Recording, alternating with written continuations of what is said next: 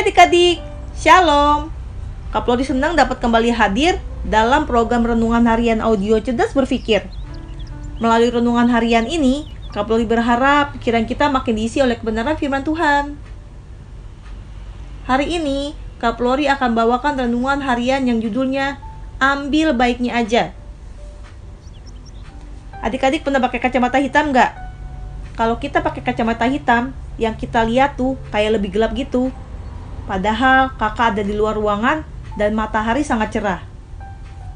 Ya, intinya seterang apa pun suatu lingkungan, kalau kita pakai kacamata hitam, ya kelihatan lebih gelap. Terus, apa hubungannya sama judul renungan hari ini, Kak?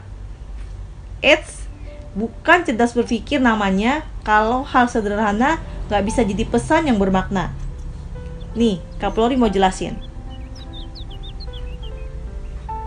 Adik-adik perlu dengar nih, sebaik apa pun suatu kejadian, kalau kita menyikapinya dengan buruk, pasti yang kita lihat adalah hal buruk.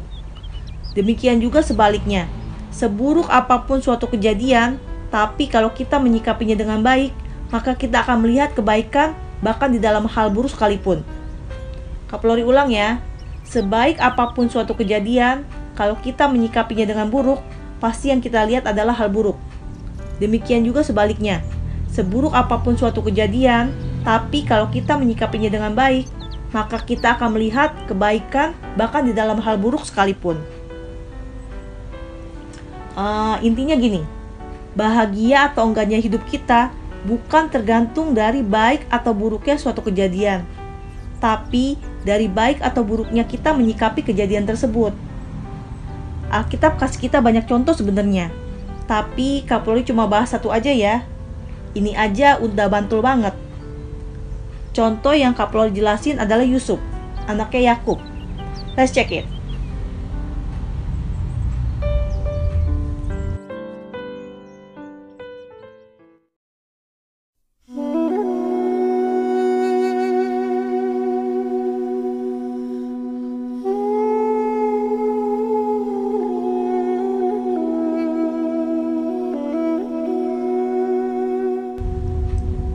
Kisah Yusuf tercatat dalam kejadian 37 sampai 50. Wah, dari mudanya dia udah mengalami pengalaman pahit. Kejadian 37 mencatat bahwa begitu bencinya saudara-saudaranya kepadanya, Yusuf sempat dibuang ke sumur oleh saudara-saudaranya lalu kemudian dijual sebagai budak dan dibawa ke Mesir.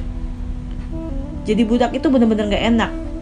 Budak bisa saja kehilangan hak untuk hidup Yusuf bisa aja kecewa dan benci kepada saudara-saudaranya kan?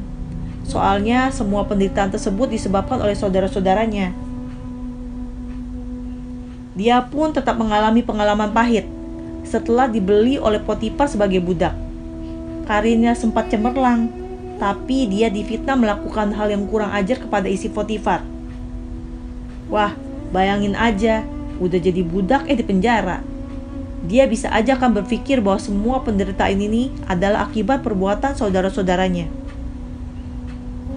Singkat cerita, dia pun menjadi orang kedua setelah Firaun yang berkuasa di Mesir karena berhasil mengartikan mimpi Firaun. Seluruh Mesir terpiara berkat Yusuf, padahal telah datang musim kelaparan.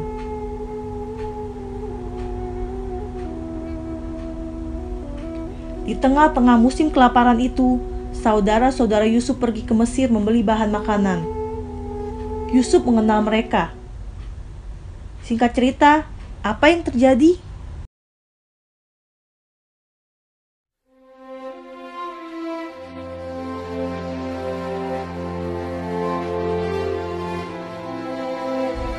Yusuf nggak membenci mereka. Dia memperkenalkan dirinya, lalu memeluk mereka dengan erat. Dia pun menyuruh saudara-saudaranya untuk membawa Yakub dan keluarganya supaya tinggal di Mesir. Adik-adik tahu apa yang bikin kakak terkesan? Setelah Yakub meninggal, saudara-saudara Yusuf berpikir bahwa Yusuf akan membenci mereka. Tapi Yusuf bilang gini dalam kejadian 50 ayat 20. Memang kamu telah mereka-rekakan yang jahat terhadap aku, tetapi Allah telah mereka-rekakannya untuk kebaikan dengan maksud melakukan seperti yang terjadi sekarang ini, yakni memelihara hidup suatu bangsa yang besar. Di tengah-tengah hal terburuk yang terjadi pada Yusuf, dia tetap menyikapinya dengan baik. Dia nggak membenci saudara-saudaranya, bahkan dia melihat ada rencana Tuhan yang indah atas dirinya dan keluarganya. Adik-adik, mungkin di antara kita ada yang mengalami hal buruk. Jadi korban bullying, lihat papa dan mama bertengkar bahkan bercerai, dipandang remeh sama orang lain, dianggap nggak bisa apa-apa, dan lain sebagainya. Tetapi dengan penuh kasih Kak Flori mau kasih tahu, hal-hal buruk tersebut gak seharusnya membuat kita terpuruk. Tuhan pasti punya rencana yang indah buat kita. Paling enggak, dia mau membentuk karakter kita jadi pribadi yang kuat. Kalau kita sedih karena lihat orang tua bertengkar bahkan bercerai, ya berarti di masa depan kita jangan melakukan kesalahan yang sama yang dilakukan orang tua kita. Kalau kita ngerasa sesak karena dianggap remeh, itu bisa jadi diizinkan Tuhan supaya kita belajar menghargai orang lain.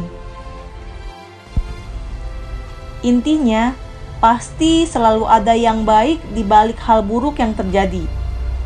Jadi, kalau kita mengalami hal yang buruk, ayo kita ambil baiknya aja.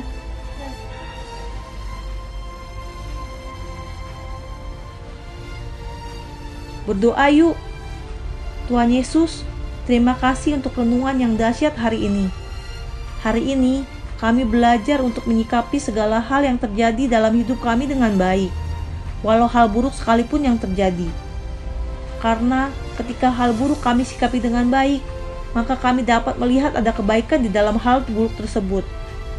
Tolong kami untuk selalu berpikir positif Tuhan, sehingga hidup kami boleh selalu senantiasa menyenangkan hati Tuhan.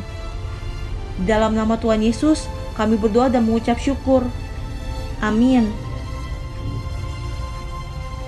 Oke, tetap sehat, tetap semangat, tetap jadi berkat. Tuhan Yesus memberkati. Dadah.